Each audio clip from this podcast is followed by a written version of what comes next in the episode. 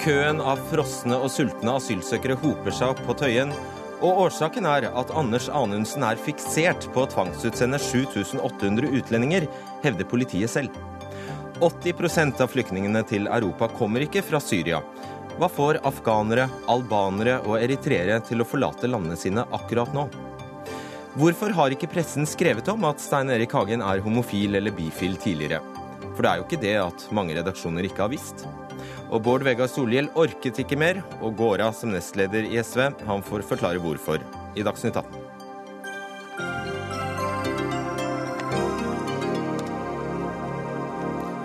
Som i kveld er med meg Fredrik Solvang. Ja, hadde utmattede, kalde og sultne asylsøkere sluppet å ligge på asfalten utenfor Politiets utlendingsenhet på Tøyen om ikke Anders Anundsen var helt fiksert på å få tvangsutsendt 7800 utlendinger i år? Nå er det åpen strid mellom politiet og Justisdepartementet om nettopp det, skriver Klassekampen. Og Gøran Kalmus, statssekretær i Justisdepartementet. Det er altså slik at bl.a. hovedvernombudet i PU nå sier at det foregår rovdrift på ansatte, og at PU må stå oppreist og gi blaffen i Anundsen og hans måltall. Hva svarer du til det? For det første er jeg helt uenig i premisset.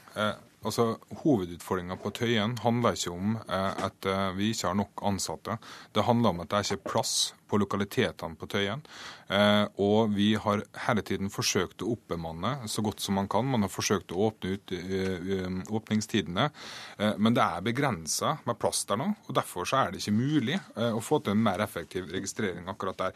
Derfor så har vi nå også da gått inn for å leie et stort lokale på Råde kommune med plass til 1000 overnattingsplasser, slik at man får alle tilbudene på ett sted. og Da øker man kapasiteten. Og så skal vi også ansette mange flere være innenfor PU, så man får økt mm. kapasiteten innenfor eh, registrering. Så de som jobber med dette, de skjønner ikke hva de snakker om det?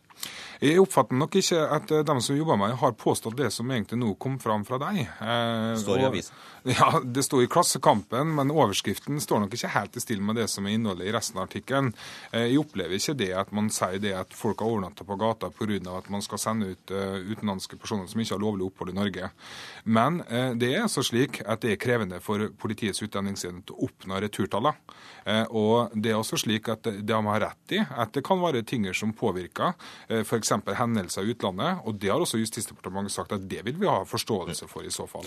Sigve Bolstad, du er leder i Politiets Fellesforbund. Er det så enkelt som at dere heller skulle brukt disse ressursene å, som dere nå bruker på å uttransportere 7800 personer, på å ta imot asylsøkerne som nå kommer i et stort antall? Så det kan, så det, vårt hovedfokus her det går på at det er et stort jag eh, i forhold til måltallene. Og Det setter litt eh, politifaglige eh, til sides. Det betyr at det, det viktigste er å nå måltallet og så kan det gå utover, som hovedverneombudet sier, det som går på helse, miljø og eh, sikkerhet. Eh, og så kan jeg bekrefte, eh, etter å ha pratet en god del med de i PU, at det er en stor økning i arbeidsmengden. Det bekreftes, og det er i hvert fall hovedoppslaget fra Politiets Fellesforbund i PU og sentralt. Og det du sier nå er egentlig at dere ville ha gjort andre prioriteringer? Det er korrekt, delvis. Hvis man kunne lagt til grunn mer eh, tid til politifaglige vurderinger, så kunne man kanskje ha sett en litt annen profil eh, i forhold til det som går på uttransporteringer. Blant annet så, For å kunne nå tallene så gjennomføres det nå en gang eh, åpne eh, sjekk på, på, gata, eh, på, gata, i Oslo, bl.a. Man hadde litt mer tid eh, på seg og brukt ressursene noe annerledes, så kunne man også ha fått sendt ut andre som det er vanskeligere å få tak i. Så det, det får en dreining i forhold til det som er noe enklere eh, for oss å kunne nå måltallene. Bare, bare, bare, forklar, ja, bare forklar dette her med, med, med, sjekken. altså Det du snakker om er utlendingskontroll i de store byene. og Det betyr at dere sjekker alle med mørk hud omtrent? Er det sånn å forstå? Det betyr at man foretar eh, kontroller eh, som er mer effektive i, i, forhold til å få opp eh, måltallene. Ja, Og det er ressurskrevende. Det er det som er poenget ditt? Nei, det er ikke så ressurskrevende. ok, omvendt. Det det, det blir omvendt. Beklager hvis jeg var litt uh, uklar der. Det er omvendt. altså Det er mer effektivt. Men det man kunne tenkt seg til, det er også, også få uh, hatt et fokus uh, på de som er vanskeligere å få tak i. men som det er lovlige vedtak på i forhold til å få sendt ut. Og eh, Hvis jeg har forstått deg eh, rett, Bolstad, så, så, hevder dere altså at eh, det som nå skjer, er at de som er lette å, å, å få tak i, det er f.eks. barnefamilier, og at de blir prioritert foran eh, kriminelle, f.eks. Stemmer det? Det kan være lett å tenke seg til. Men nå er vi jo på en debatt som er helt annerledes enn eh, Fredrik Solvangs utgangspunkt for sendinga. Dette er jo en debatt om eh, hvordan man skal prioritere dem som skal sendes ut. Og så klart jeg ser jo de nyansene som Politiets utlendingsenhet og, og fagforeninga nå tar opp. Det gjør jeg absolutt, og vi er veldig klar på dem. Men samtidig så er det slik at eh, mange av dem man returnerer, er kriminelle personer. F.eks. til Romania. Til, til nå i år så har man returnert 333 personer. 307 av dem var ilagt straffereaksjoner fra Norge. Så det er også et en dilemma at hvis man ikke returnerer eh, personer som er blitt straffa i Norge, ja, så vil de gå fritt rundt omkring, og så gjør de nye straffbare handlinger som vil da belaste andre deler av politiet igjen. Så, så dette her er en del av en helhet, og jeg tror det er veldig viktig også å være klar over det. At eh, i likhet med EU, det, eh, som nå har signalisert at vi må forsterke arbeidet med retur, nettopp for å unngå at personer reiser til Europa uten å ha en asylgrunn, og at hvis man ikke prioriterer retur, så vil enda flere komme. og Det vil jo igjen belaste politiet enda mer. Så, så, så vi, er nødt så vi er nødt til å prioritere begge deler, men jeg er ja. åpen for en debatt om hvordan innretninga på retur skal være. Ok, Bolstad. To. Ja, det, det, siste var veldig positivt. Eh, det jeg ønsker å si, som, eh, som, også er viktig å få fram, det er at det er positivt at man nå i siste omgang fikk tilført 50 eh, ekstra millioner. Det har Man merket. Man har merka at det er flere til å gjøre den oppgaven. Eh, og det er merkbart eh, også at det blir satsa. Vi, vi, vi, har forståelse for at eh, politikerne setter krav, bare så det er sagt. Men vi har kommet til et punkt, og det vil jeg dele i to. Det ene punktet vi har kommet til, det er at det blir for stort fokus på måltall på et for stort detaljnivå. Det er det ene som jeg forsøkte å forklare, forklare i stad. Det andre punktet er at når det blir såpass råkjør på det, så går det ut over helse-, miljø- og sikkerhetsperspektivet. Og Det har jeg også fått en del tilbakemelding på. Det er de to eh, poengene som vi ønsker å trekke fram. Så har jeg forståelse for en del av de poengene som Kalmyr her eh, tar opp. Ja, og Da må du vel ta inn over deg, Kalmyr, at uh, når politiet sier at det du sitter og bestemmer i departementet ikke er hensiktsmessig, så må du endre det? Ja, nå er det jo slik at uh, Måltallet har jo kommet fra politiet sjøl. Når, altså når, man jobber fram et budsjett, så spør vi politiet hvor mange hvor mange kan man uttransportere for en viss sum av penger? og Så får man et svar på det. og Så er det det som er grunnlaget for budsjettprioriteringene. Men klart, vi har også sagt det i et brev nå nettopp til Politiets utlendingsenhet. Er det utenforliggende årsaker som gjør det at det ikke er mulig å returnere, ja, da har vi forståelse for. Det, det er ikke et måltall som er hugget i stein, men det er en viktig prioritering for politiet å sørge for å returnere utlendinger som ikke har opphold i Norge. Ok, Vi må si takk til dere der, Gøran Kalmyr og Sigve Bolstad. Dagsnytt 18 alle hverdager kl 18.00 på NRK P2 og NRK2. Temaet er fortsatt flyktningene, for så langt i år har over 400 000 personer søkt asyl i EU- og EØS-landene. Og dette er nesten en dobling i forhold til i fjor. Men kanskje i motsetning til det vi kan få inntrykk av, kommer bare 20% av disse fra Syria. Resten kommer fra Afghanistan, Albania, Irak, Kosovo, Eritrea, Pakistan, Nigeria, Ukraina og Somalia. 80% av dem som er registrert i Italia så langt i år, er menn. Så hvem er de? Hva får dem til å legge på flukt? Hvorfor akkurat nå? Og hva møter dem? Og på ett år skal legge til det, så har antallet som nå venter på å få asylsøknaden sin behandlet i EU, nesten doblet seg til 600 000 personer. Jørgen Karling, du er forsker ved PRIO. Og Vi skal straks få rapporter fra Asia og Afrika som skal, og høre hvilke forhold disse menneskene kommer fra eller eh, flykter fra. Hva er det som gjør at antallet har steget med 85% fra i fjor til i år? Det, det, meste av den økningen er fordelt på fire land. Det er Syria, Irak, Afghanistan og Albania. Og der er det åpenbart ulike årsaker i de forskjellige landene til hvorfor dette kommer nå. I tillegg så er det nok litt sånn at all den uroen som har vært rundt europeisk innvandringspolitikk dette året, har gitt folk som har vært underveis, et ekstra push. Fått dem til å tenke at nå må vi skynde oss. Delvis. Nå skyndte seg før muren bygges høyere? Ja, enten fordi det, murene bygges opp, men også når det har vært eh, tilløp til oppmykning, så har man tenkt at nå er det en sjanse som vi må benytte oss av. Så det slår litt begge veier. Okay. NRKs korrespondent med base i Istanbul, Kristin Solberg. Vi vet jo alle at situasjonen i eh, disse to landene, Afghanistan og Irak, eh, er eh, ikke akkurat stabil. Men hva kan forklare at 13 eh, av dem som til nå har kommet, er fra Afghanistan, og 6,5 er fra Irak? Ja, De aller fleste som, eh, som, kommer fra de to landene som kommer til Europa, de har flyktet eh, i frykt for sitt liv.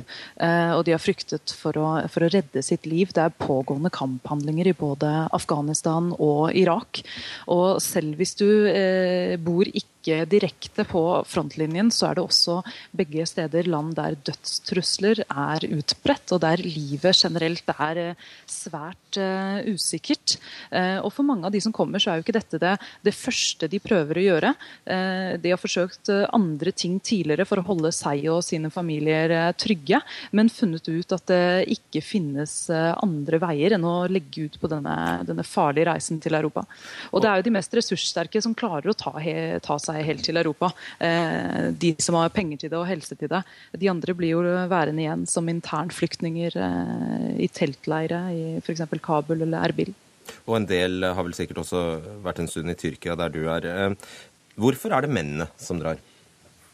Ja, det er litt ulike grunner til det, men det er eh, kanskje to ting som også som kan eh, forklare det. og Det ene er at reisen eh, i seg selv er så farlig. Så hvis livet til familien din ikke er i umiddelbar eh, altså Hvis familien din ikke er i umiddelbar livsfare, men du føler at de sakte går til grunne i flyktningleirer, så ønsker man kanskje å spare kone og barn for denne farlige turen. og Så tar man heller og drar dit, eh, tar far i familien og drar, og så håper man på gjenforening eh, senere.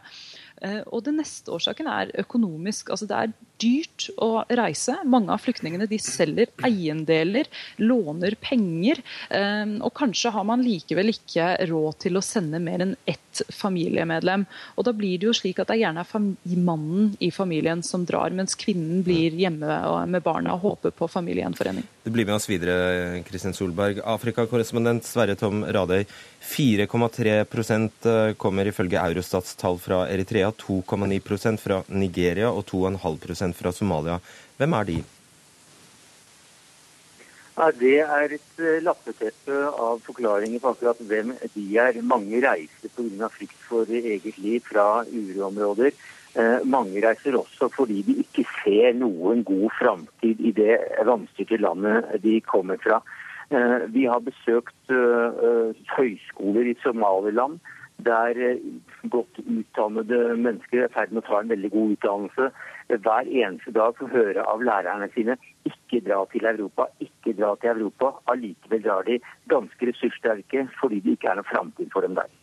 Er da alle som reiser fra disse afrikanske landene reelle flyktninger? Altså vil de få asyl i Europa? Ja, det det er ikke Afrikakontoret det rette stedet å henvende seg på det spørsmålet. Men det er klart at det er en mangefasettert eh, bakgrunn som disse flyktningene har. Eh, noen kommer helt opplagt inn under eh, under eh, FN-charter når det gjelder flyktninger. Eh, andre vil bare ha en mye bedre framtid for seg og de de er glad i. En bedre hverdag for barna sine enn det de hadde selv. Mm. Og Nyhetsmediene flommer jo over av eh, informasjon om de syriske flyktningene om dagen. Hvordan kommenteres denne situasjonen i afrikanske medier? Ja, Det syns jeg er ganske interessant. fordi eh, Til å begynne med så kommenterte man nesten ikke i det hele tatt. Det ble reflektert på sidene for internasjonalt stoff, i hvert fall i, de avisene som jeg leser fra en tre-fire afrikanske land sør for Sahara. Eh, så begynte kommentarene å komme litt etter litt. Eh, Europa måtte skylde seg selv, var det noen som eh, kommenterte på. Og så var det dette med at nå må man faktisk brette opp ermene, fordi at dette er en tragedie som i menneskehetens navn ikke kan se at utspiller seg i Europa. Som også da i Afrika av afrikanske medier blir kalt for sivilisasjonens vugge. Det var det var en veldig veldig talende karikaturtegning i Kenyas største avis, Daily Nation. Eh, den viste meget fornøyde flyktninger fra Asia og Syria stå der innenfor murene til Europa så var det da en sinnamann av en EU-vakt som hev en svart mann ut og sa å nei, du, ikke denne gangen, og ikke deg. Slik er det nok også en del afrikanere som opplever det. At det er hvite, mer likesinnede folk som kommer til Europa fra Syria osv. Mens svarte sør fra Sahara de holdes ute, og nå stenges døra. Du blir også med oss videre, Sverre Tom. Cecilie Endresen, du er postdoktor ved Universitetet i Oslo, en av dem som kjenner Albania aller best i Norge. 8,3% er albanere, og 4,7% kommer fra Kosovo. Hvorfor det? Det er jo de fattigste landene i Europa. Ehm, så fattigdom eh, som årsak er jo ikke noe nytt. Men eh, situasjonen er blitt forverret nå i forbindelse med den generelle økonomiske krisen. Og fra Albania så har de fleste pleid å dra til Italia og Hellas, men der er det ikke så mye å hente lenger. Eh, så hovedgrunnen er nok eh, økonomisk, men det skal også sies at da veldig mange av de som kommer, også eh, ikke bare drar pga. arbeidsledighet og, og fattigdom, men de ønsker seg rett og slett et tryggere liv. For dette er, er ikke spesielt velfungerende stater, og de er i liten grad eh, i stand til å sikre sine borgere grunnleggende rettigheter i helsevesenet og politi, rettssikkerhet og den slags ting. Så det er også en veldig viktig grunn. Men likevel får altså 98 av Kosovo-albanerne og 96% av albanerne avslag i EU. Er det ingen som forteller dem det? Eh, nå har myndighetene har gjort en ganske bra jobb i å informere, og mediene også. Men eh, noe av problemet er at folk har ikke noe tillit, eh, tillit til myndighetene, så de tror rett og slett ikke på det staten forteller dem. Så når de blir frarådt å søke asyl, så tror de det er noen andre motivasjoner ute og går for det. Og så er det kanskje ikke alltid de mest ressurssterke som har best informasjon, som, som, som kommer. Kan hende de også blander litt systemene i forskjellige land.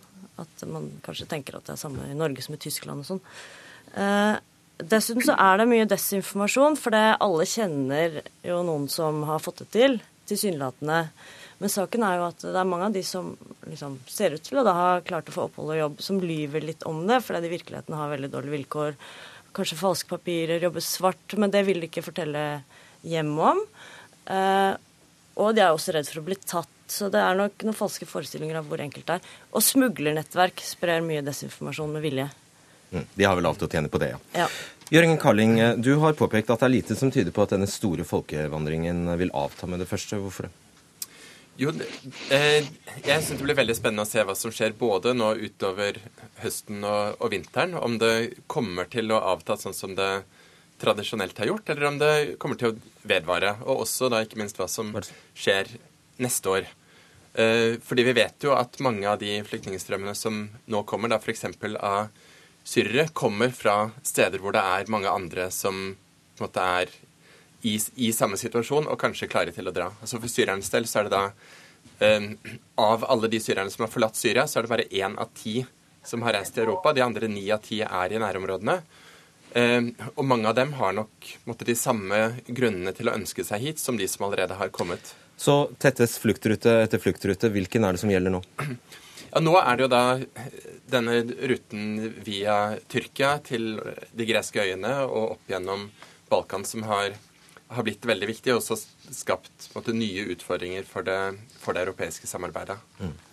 Solberg, det, dette som Endresen er, innom, altså det at det er mye desinformasjon ute og går. Hvilken informasjon har du inntrykk av at familien og de, disse unge mennene faktisk får om hva som venter dem i Europa? Ja, Det som slår meg når jeg møter flyktninger, er ofte hvor lite de vet om hvilken prosess som venter. Altså, jeg møter mange som er overlykkelige når de først har kommet i land eh, i Europa og tror da at reisen er ferdig, men i realiteten så har den jo knapt begynt. Eh, og det er mye som står igjen, både turen opp videre gjennom Europa eh, og også eh, hele det byråkratiet de må gjennom eh, før de eventuelt får eh, asyl. så det er, men det er jo ikke så mange steder å finne finne informasjon eh, heller. Altså Man får det gjennom eh, kanskje venner og, og kjente og smuglernettverket. Og så er jo Europa stort og uoversiktlig for den som ikke kjenner det. Slik at det er eh, kanskje vanskelig å sette seg inn i akkurat hva som er den spesifikke landets regler. Nettopp. Sverre Tom Radøy, hvilke myter og løgner om gull og grønne skoger i Europa verserer i Afrika? De eksisterer nok helt sikkert parallelt med en eh, viss eh, bra innsikt i hva som faktisk eh, kan skje. Hvis du kommer f.eks. til et land som Norge. Det er jo miljøer som, som lever ganske bra på de pengene som, som europeiske familiemedlemmer kjenner nedover til, tilbake til Afrika. Så det er nok et veldig splittet bilde. Men eh, europeiske land, og jeg har hørt også Norge, bruker ganske betydelige midler på å informere i særlig utsatte stater om at ikke det er bare gull og grønne skoger. Så den informasjonsflommen, den, eh, den må flyktningene, eller de som regner med at de skal ta seg av gårde, den må de, de selv finne ut av. Mm. Endresen, man må kanskje regne med at en god del av de som får avslag fra Kosovo og Albania, likevel blir innenfor EUs eh, e og EØS-grensene. Eh, hva gjør de da? Ja, De forsøker vel å få seg jobb, eh, svart eller hvitt. Nå er det jo ikke, I Norge er det jo ikke like lett å få seg svart arbeid som det f.eks. er i Hellas og sånt. Så de har vel også da litt urealistiske forhåpninger til hvor lett det er, da.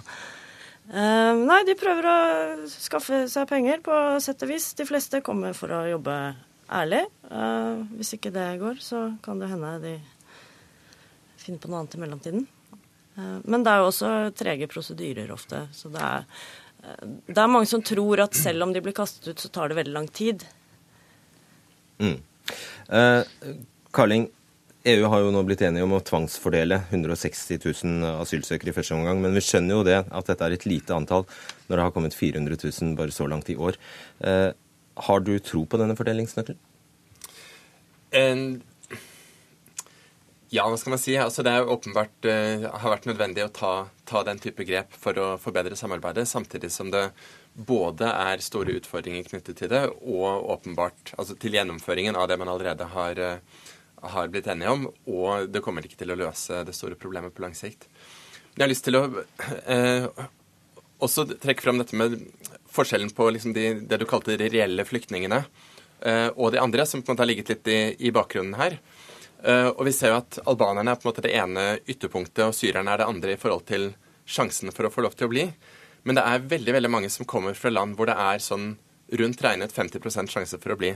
Sånn at den usikkerheten om, om, hva som skjer etter at man kommer, den er, den er veldig reell. Og det betyr ikke nødvendigvis at folk ikke vet hva de går til, men at det, den måte, forvirringen og usikkerheten som vi ser for hele systemet, også er ganske påtagelig på individnivå. Og veldig kort til slutt da, Hva tror du er årsaken til at uh, vi ikke mobiliserer like mye for flyktningene, eller for, asylsøkerne fra Eritrea og Afghanistan som for de syriske flyktningene?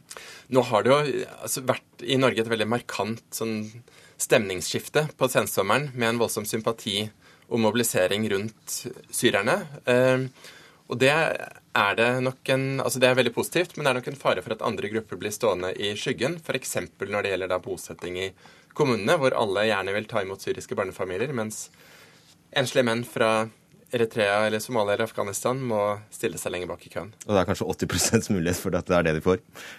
Takk skal dere ha, Jørgen Karling, Cecilie Endresen, Kristin Solberg og Sverre Tom Radøy.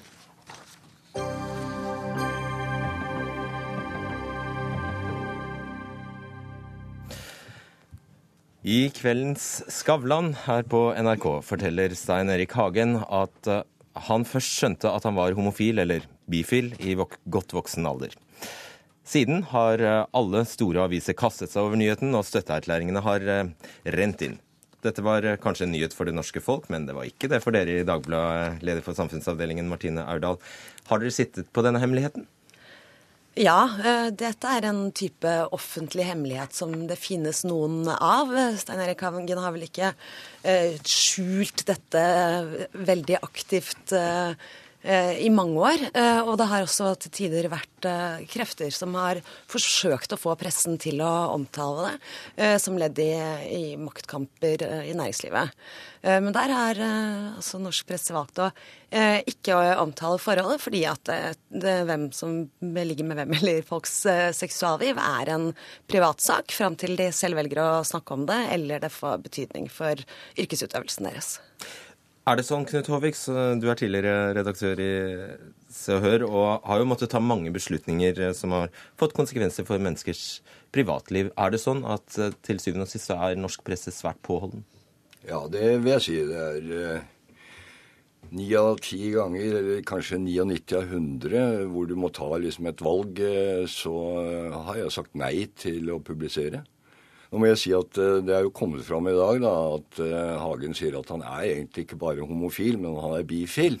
Og det, det er jo lett forståelig, for han har jo alltid likt å ha et stort marked. Men um, det er jo, som Martin sier, det er Jeg tror det skal utrolig mye til for at noen skriver om noens seksualliv hvis de ikke selv står frem. Men det jeg ikke skjønner helt, da det er jo at dere skriver om skilsmisser, dere skriver om konkurser, dere skriver om nabokrangler. Og en skilsmisse kan jo eh, være svært personlig.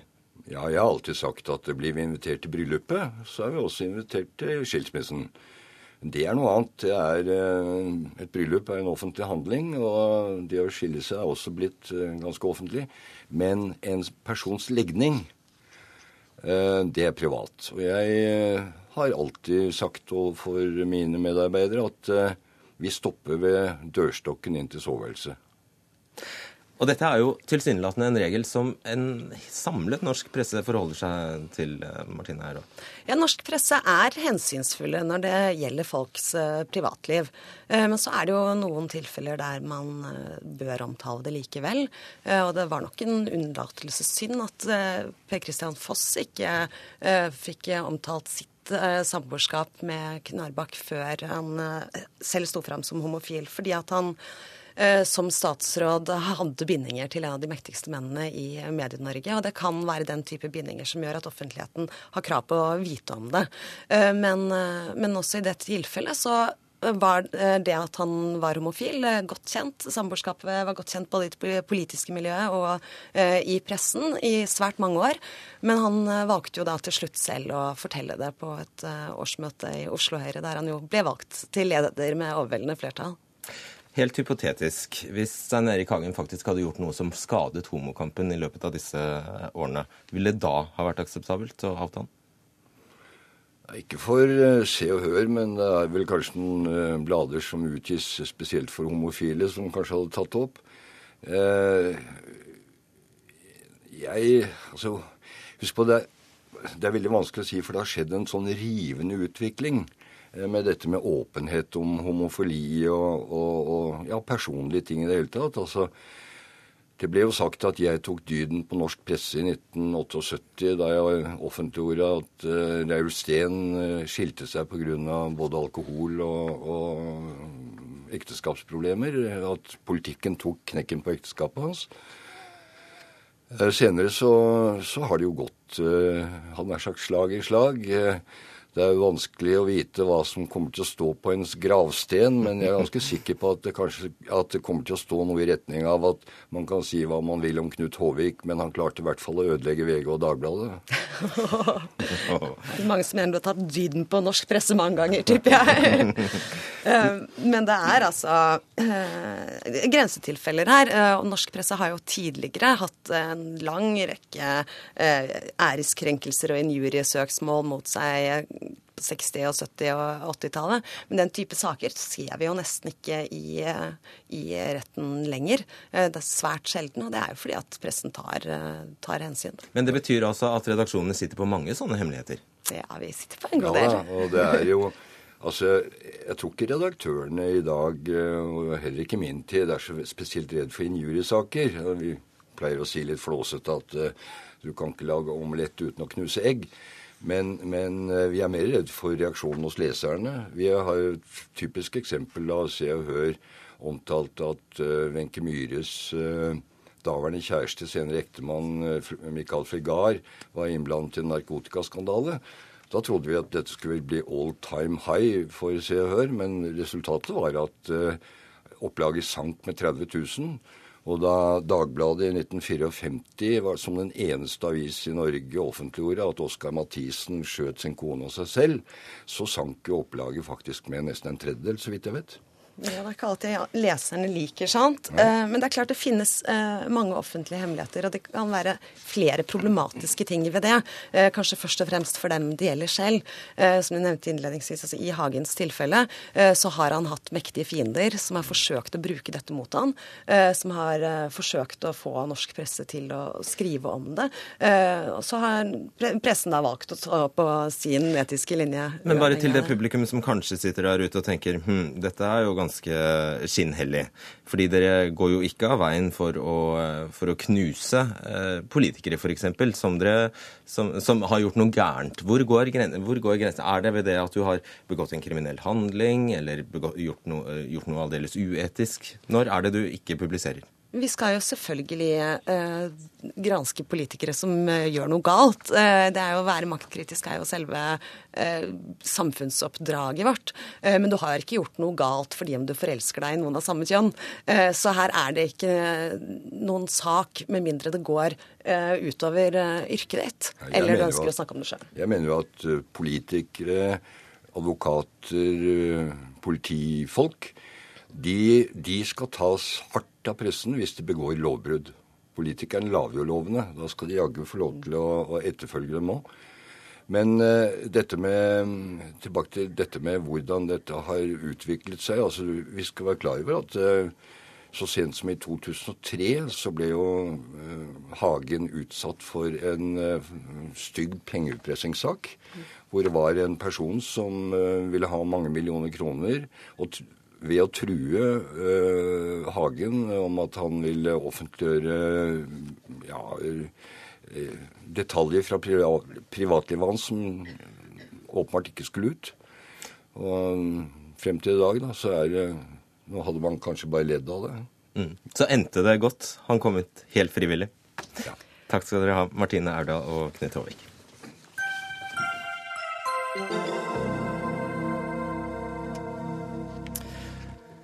De ulike trossamfunnene mangler penger til å samarbeide på tvers av livssyn, fremme dialog og snakke sammen. Det kommer fram i en ny rapport. Det handler om verdensfred.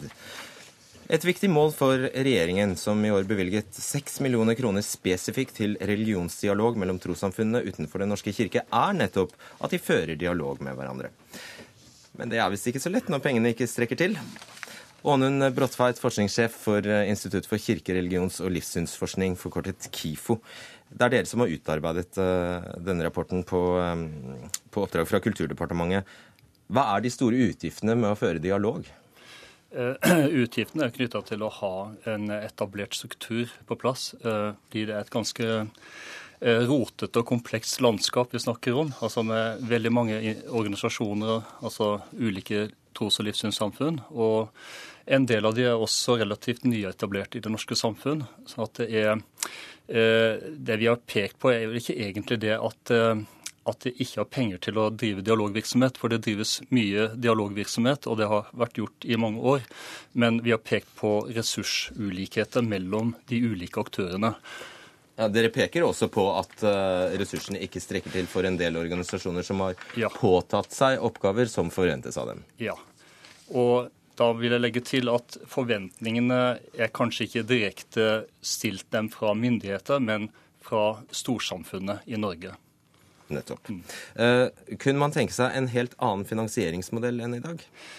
Ja, men jeg syns det, det, er litt vanskelig. Da, da, har vi valgt å ikke gå noe videre inn på det. Uh, fordi at vi ser dilemmaer med å ha en uh, statsstøtta organisasjon eh, som både skal eh, ja, greit drive brobygging og dialogvirksomhet, men også skal være en vaktbikkje og passe på at religions- og trosfriheten ivaretas av myndighetene. Okay. Uh, Metap Afsar, du er generalsekretær i Islamsk Råd Norge og ett av flere trossamfunn som får penger fra Kulturdepartementet for å drive religionsdialog. Men du vil gjerne ha mer. Hvorfor det? Uh, vi er ikke trossamfunn. Vi er en landsdekkende paraplyorganisasjon som har trossamfunn og organisasjoner som medlemmer. Uh, vi har jo ført dialog i mange år. De midlene kom jo for ikke så mange år siden. IRN ble jo etablert i 1993. Eh, så vi har jo hatt dialog med Mellomkirkeråd, med andre tro- og livssynssamfunn eh, helt siden da, og kanskje før det òg. Eh, så vi har ikke hovedfokus på midler. Vi har hovedfokus på nettopp det å drive det arbeidet som vi er opptatt av, nemlig blodbyggingsarbeid, dialog, som jo sårt trengs i samfunnet i dag. Men om man også kan kanskje få midler for å organisere og strukturere dette bedre, så tenker vi at ja, det er kanskje på sin plass at man da også uh, får midler, uh, slik at man kan organisere en organisasjon som da har som samler så mange medlemmer og har et mangfold i medlemsmassen. Og da skal være en landsdekkende paraplyorganisasjon og presentere dem. Og, Fordi det er sånn at dere opplever i dag at med den ene ansatte dere har, så, og telefonen kimer, og dere skal stå til ansvar for uh, en eller annen muslim i verden har gjort, så strekker ikke verken tid eller penger til. Ja, det sier seg selv at, at, det ikke strekker til, men, men, men, men vi gjør den jobben uh, til tross for at uh, det er få ressurser i form av ja, f.eks. økonomiske midler. Da. Men det er ikke der. Altså, vi, vi stopper ikke arbeidet pga. det. Arbeidet skal gjøres, og det, det skal vi fortsette med. Eh, Torkel Brekke, religionshistoriker ved Universitetet i Oslo og leder for Civita-akademiet. Man kan se på dette helt prinsipielt, og det er vel det du skal gjøre nå. Hva tenker du om at trossamfunnene her i landet får penger for å drive religionsdialog fra staten? For det første så, så må vi også tenke på at um, det, det, organiserte tros- og livssynsdialogarbeidet da, i, i, Norge det er jo ikke initiert fra myndighetshold. Det, det vokser ut av uh, veldig genuint engasjement um, i det sivile samfunn på 80- og 90-tallet. Um, og det er jo veldig bra. Men så har det uh, blitt mer og mer strukturert. Um, uh, noe av det som har skjedd, er jo at dette er blitt en blanding av interessepolitikk og dialogarbeid. Fordi disse store organisasjonene, som KIF har undersøkt, ehm, eh, som Samarbeidsrådet for tros- og livssynssamfunn, de, de kom jo på banen i, i, i en kamp bl.a. mot eh, KRL-faget i skolen eh, og, andre enkeltsaker. Da. Så det er et sterkt engasjement her. Men Min mening er jo at vi ofte tenker litt feil om feltet religion i Norge. Og jeg tror at vi ser her, eh, som på mange andre felter, at myndighetene har en litt for stor eh, rolle. Og Grunnen til at jeg tror det, det er at det begynner å komme en god del forskning nå som tyder på at veldig sterk offentlig finansiering av den type initiativer, det, det undergraver faktisk personlig engasjement. Det fører til, ikke nødvendigvis til mer sosial kapital, uh, men det kan også dytte ut, konkurrere ut engasjementet. Og det skal man være ganske klar over. Og det er jo eh, faktisk eh, dere også, Bråttveit, eh, opptatt av. Dere advarer mot at dette arbeidet, dialogarbeidet blir gjort til en, et helstatlig foretak. Ja, altså vi, vi syns uh, på en måte grunnstrukturen virker fornuftig med altså det er en viss støtte til å altså, ha sekretærer f.eks. i lokale STL, altså lokallag for Samarbeidsrådet uh, rundt omkring i Norge. Og, og, en sentral administrasjon. Og så deles det ut i tillegg prosjektmidler.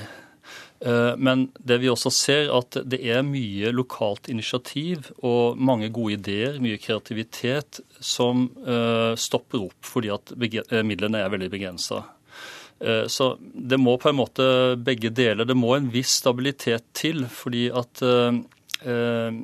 ja, det, er noe med å, å, ha en infrastruktur i bunn. Og, og, så kan kanskje den ekstra støtten til konkrete prosjekter økes. Men jeg er også litt i tvil om det er bare myndighetene sentralt som skal stå for det. Altså Her kunne man vel så gjerne tenkt seg kommunene mm. kunne vært uh, sterke inne, og fylkeskommunen. Men det er det jo også. De det er det til en viss grad. Ja. ja. Mm. Eh, altså, kan du se det Brekke sier, at det er noe eh, det er både uhensiktsmessig, men det kan også være prinsipielt rart at et helt frivillig foretak som religionsdialog skal, skal betales av det offentlige?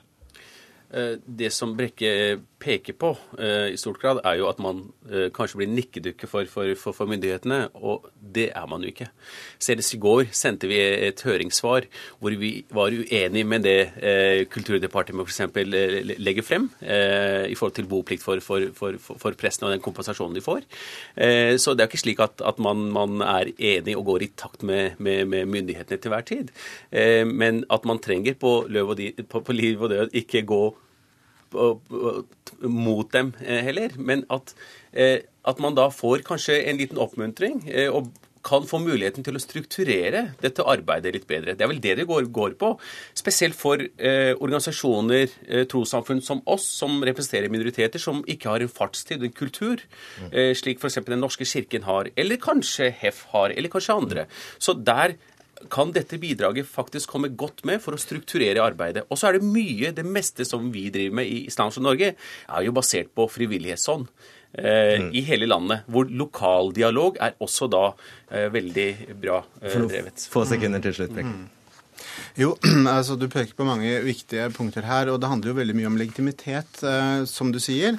Eh, legitimitet det er noe som rapporten deres faktisk også skriver mye om. At det er veldig mye menn. Det er mange eldre menn som jobber eh, i disse dialogplattformene, at eh, det er et, i stor grad et elitefenomen. Det kan du fylle meg ut på, men det er sånn jeg leser rapporten deres. Men, men, det handler ikke bare om det. Det handler også om faktisk at engasjementet blir bedre eh, og større hvis man må gjøre noe frivillig. Og så vet vi jo at alle tros- og livssynssamfunnene de har jo god finansiering fra starten av. Så trenger vi dette ekstra laget. Det, det meste engasjementet hos oss er jo også det som drives, er jo frivillig. Så det er stort engasjement, i hvert fall i det mm. muslimske miljøet. Takk for at dere frivillig kom hit.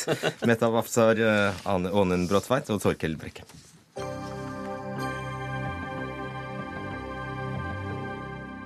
For ti år siden ble mulla løftet på, de ble filmet i smug mens de sa hva de egentlig mente om omskjæring av kvinner, og hijaber ble brent. Men ikke nå lenger, skriver Hilde Sandvik, kultur- og debattredaktør i Bergens Tidende, i en kommentar i dag.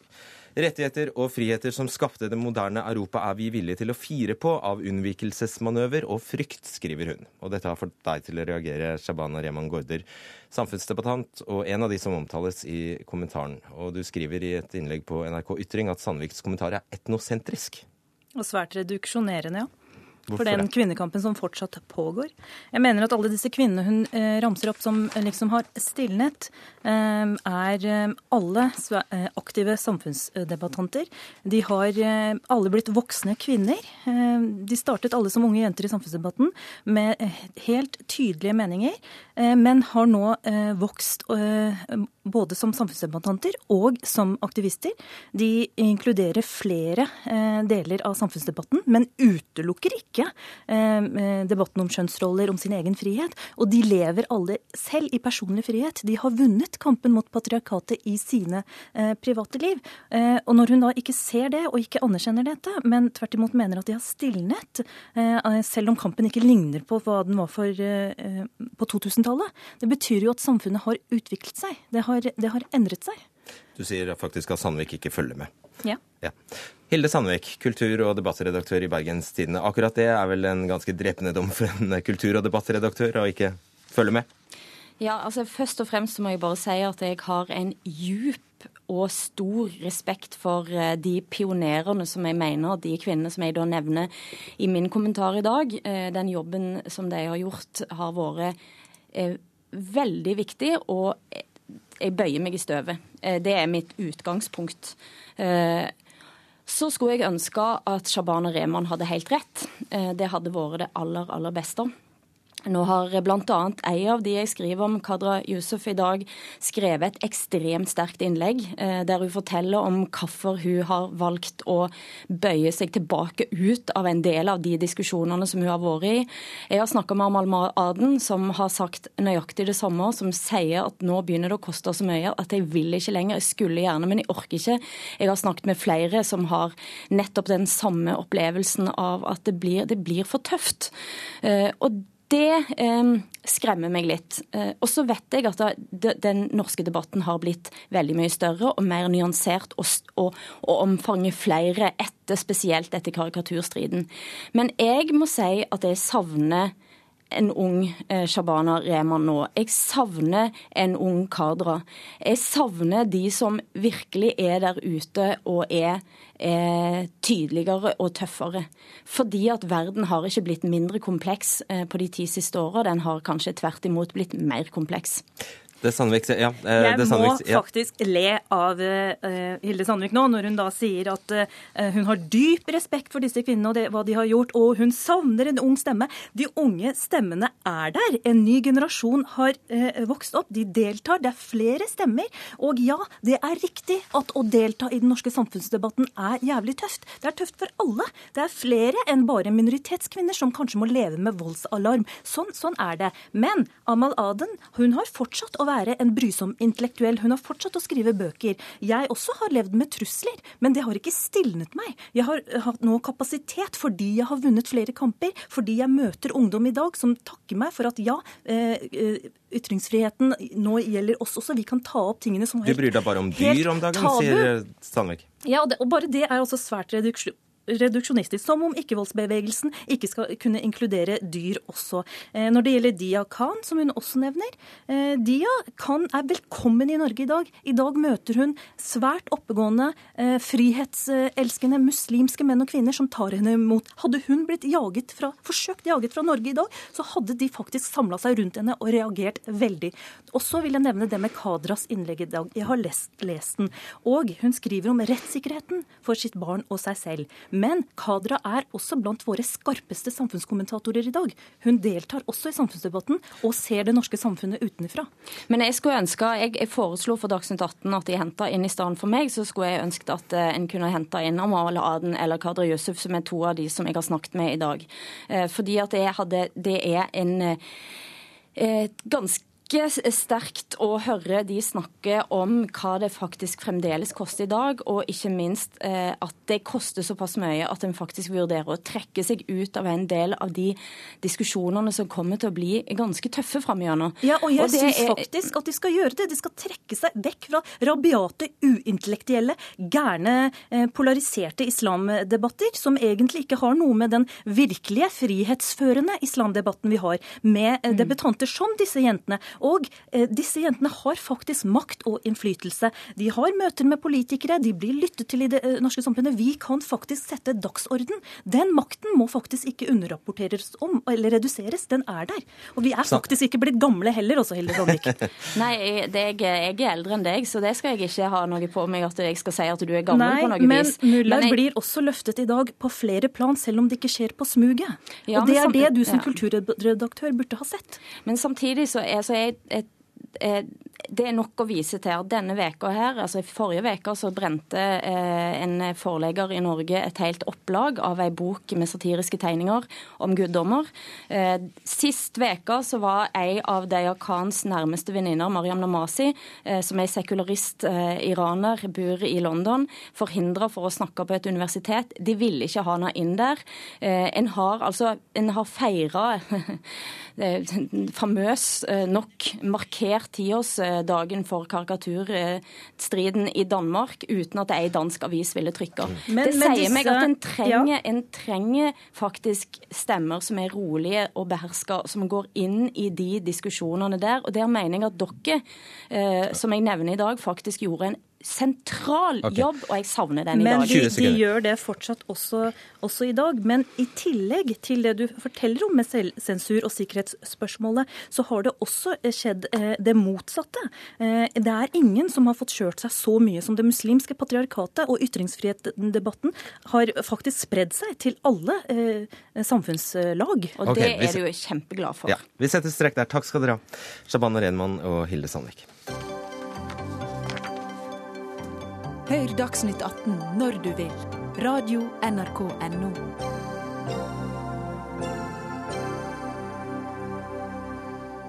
Ti mennesker drept igjen på en skole i USA.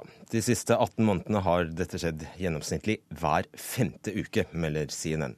Og nå har presidenten fått nok. This is a political choice that we make to allow this to happen every few months in America.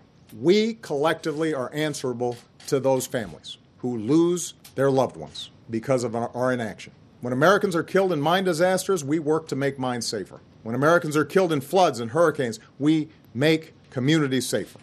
So the notion that gun violence is somehow different doesn't make sense. Are Togvold Flaten, du er redaktør for amerikansk politikk, NO. Hva er det Obama da vil ha gjennom? Han vil ha gjennom bakgrunnssjekk, bl.a. ved våpenkjøp. Det er en av de tingene. Og så har man jo tidligere snakket om å forby visse automatiske rifler.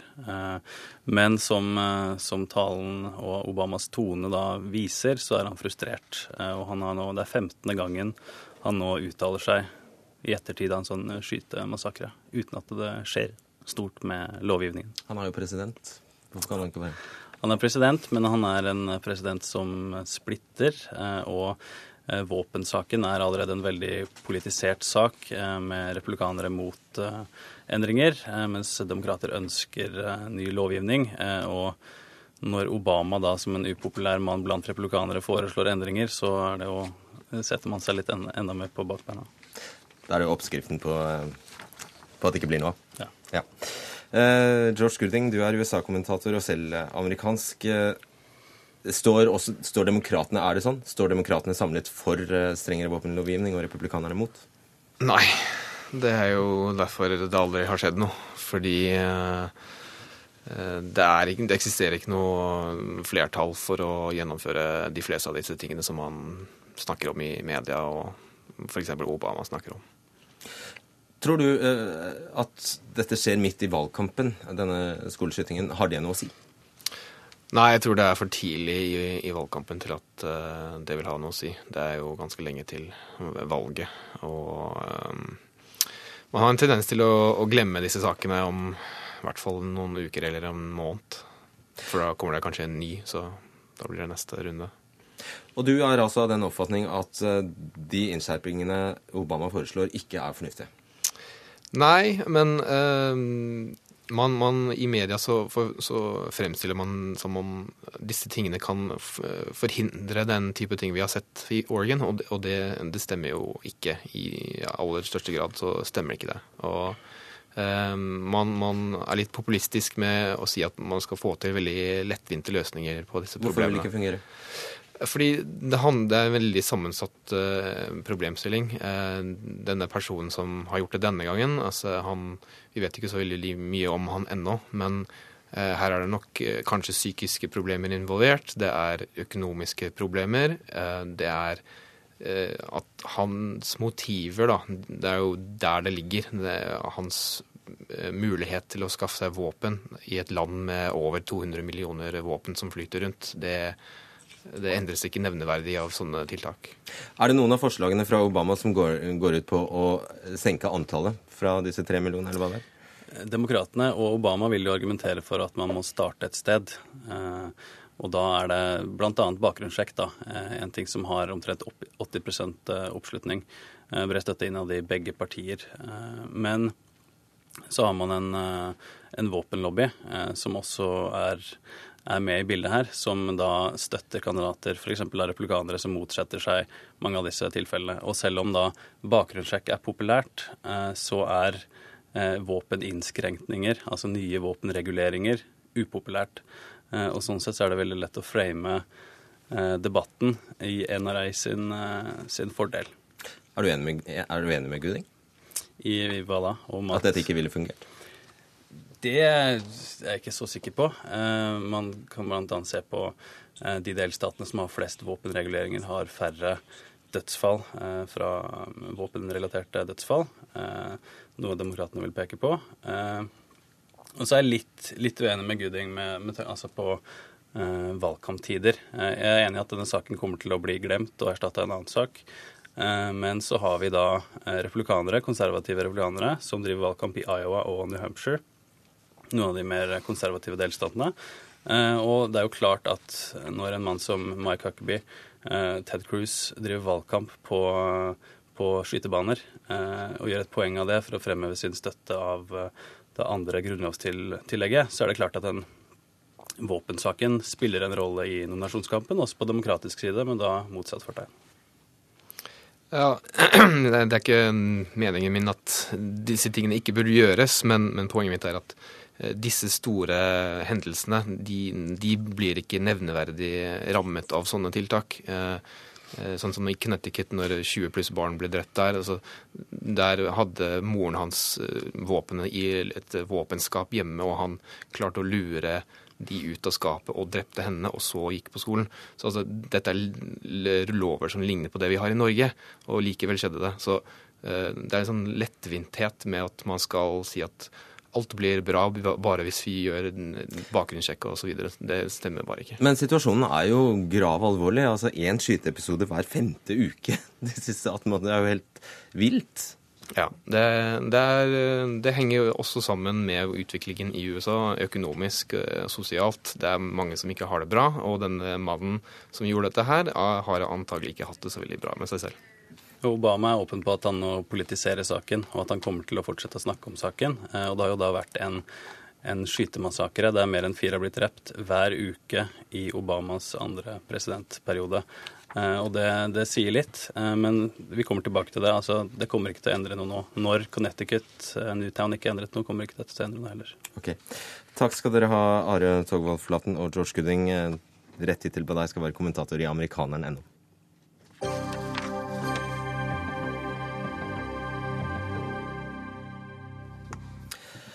Etter over 20 år i politikken er det nok en uh, toppolitiker som trekker seg fra Sosialistisk Venstreparti, for i dag informerte Bård Vegar Solhjell landsstyret i SV om at han ønsker å trekke seg som nestleder i partiet på neste landsstyremøte i november. Hvorfor gjør du det? Jeg har slitt en stund med motivasjon. Uh, for et år siden så hadde jeg egentlig bestemt meg for å trekke meg. Jeg lot meg overtale til å fortsette for å sikre kontinuitet og fordi SV var i en vanskelig situasjon. Så jeg merka det igjen nå i valgkampen at selv om det var mye vi, vi gikk fram mot, så, så syns jeg det var tungt å motivere meg, og jeg merka det etter valget.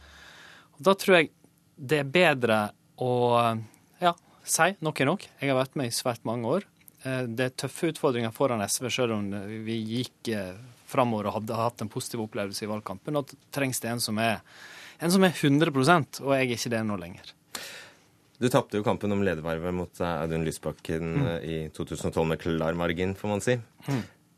Hadde du hatt bedre motivasjon? hadde du blitt Jeg skulle jo gjerne vært partileder, men du sa det jo sjøl. Han, eh, han, var den SV klart ville ha. Og så har vi samarbeidet godt etter den tid. Jeg har hatt gode år, syns jeg, som politiker de siste åra. Klart å bidra med mye. Og jeg, altså jeg er jo ikke død, jeg skal fortsette å sitte på Stortinget. For all del. Men, men jeg har vært i Altså, jeg har vært i toppledelsen i SV. Jeg ble valgt inn som partisekretær i 2001. Med et lite avbruk så er det 14 år. Så jeg, eh, kanskje, kanskje er det bra òg at det kom en endring. Og eh, så skal jeg eh, bidra på min måte, men litt, i en litt mer tilbaketrukket rolle. Hva er du mest fornøyd med at du har gjort? Jeg syns jeg fikk til mye når jeg var miljøvernminister. Eh, norske nasjonalparker, eh, delta i klimaforhandlinger, eh, gjøre framskritt på det. Jeg var i sin tid med å innføre leksehjelp i den norske skolen, som fortsatt er der, og som mange, bl.a. mine barn, nyter godt av. Og så har jeg sjøl likt at jeg har kunnet, tror jeg har vært en politiker som har klart å utfordre mine egne, altså utfordre folk på venstresida til å tenke nytt, ta nye skritt, bringe inn nye ideer i politikken. og det syns jeg det er, det er, for lite av. For mye gammel vane. og Det har jeg lyst til å fortsette med. Da har du faktisk rett i. I går da du var her, så snakket du om Nato på en måte som fikk meg til å lure på om du har blitt Nato-tilhenger. Så Jeg eh, refererte hva som står i SVs eh, program, og så sa jeg at det er gode argumenter for Nato-medlemskap, og at det i hvert fall er stor og brei enighet om det i Norge. Det er jo sant. Så du er ikke Nato-tilhenger? Altså, jeg, jeg, jeg, ser argumenter begge veier, for å si det sånn. Uh, men, men det verken det eller noen politiske saker som nå ligger bak at jeg trekker meg. Nei, nei, det er greit, jeg bare spør deg. Jeg, eh, ja. Er du EU-tilhenger? Det er jeg ikke, nei. Jeg er motstander av norsk EU-medlemskap. Er du egentlig Arbeiderpartimann? Nei, jeg er SV-er. Kommer til å fortsette å være medlem av SV, representere SV. Og eh, jeg er faktisk veldig opptatt av at det skal finnes et sterkt parti til venstre, et rød-grønt, moderne, liberalt parti i Norge. og det er det er jeg sterkt engasjert i at vi skal fortsette å ha. Det er jo flere store politikere som har rømt partiet i det siste. Øystein Djupedal trakk seg med braske bram som nestleder i 2005, husker vi. Gikk til Arbeiderpartiet. Samme gjorde Olav Gunnar Ballo i 2011. Inga Marte Torkelsen er borte, og Erik Solheim er borte. Dette styrker jo ikke akkurat eh, SV, det tynnes i rekkene. Nei, altså at, at, at, vi blir eldre, at eh, yngre og kanskje dyktigere mennesker kommer, det, det er faktisk ikke et Det er livets gang, det, altså. Alle, altså Jens Stoltenberg forsvant, Carl I. Hagen forsvant. Det, det, det, skjer. Eh, og når Erik, og, altså Erik Solheim og Kristin Halvorsen slutta, så var det på en måte et generasjonsskifte. så kom ikke Inga Marte Thorkildsen inn på Stortinget, men resten av den generasjonen som jeg er en del av, Audun Lysbakken, Heikki Holmås, eh, meg sjøl og andre, vi eh, er med, har fortsatt. Nå trekker jeg meg. Eh, er det ett problem SV ikke har, så er det dyktige mennesker. Så nå kommer det til å komme inn en ny dyktig nestleder som overtar for meg. Så er det jo slik for SV da at uh, dere taper sakseierskap på skolesakene for, til Arbeiderpartiet og miljøsakene til uh, MDG. Hva skal SV gjøre når dere spises fra begge kanter? Veldig kort. Vi har hatt store utfordringer, men nå er vi gjennom en valgkamp i framgang. Der heldagsskolen har vært på dagsorden, der flyktningsituasjonen har brakt velgere for en gangs skyld til et parti som er flyktningliberalt. Men så har jeg, jeg har lovd meg sjøl at nå skal jeg la den nye ledelsen drive SV framover. Jeg skal ikke bli en sånn X som sitter og kommenterer og kritiserer fra sida. Så okay, nå vi kommer til å ringe deg, drive kommer til å ringe og prøve. Ja, det er bra. Takk skal du ha. Ansvarlig for denne sendingen var Hege Holm. I teknikken satt Stein Nybakk, og i studio Fredrik Solvang.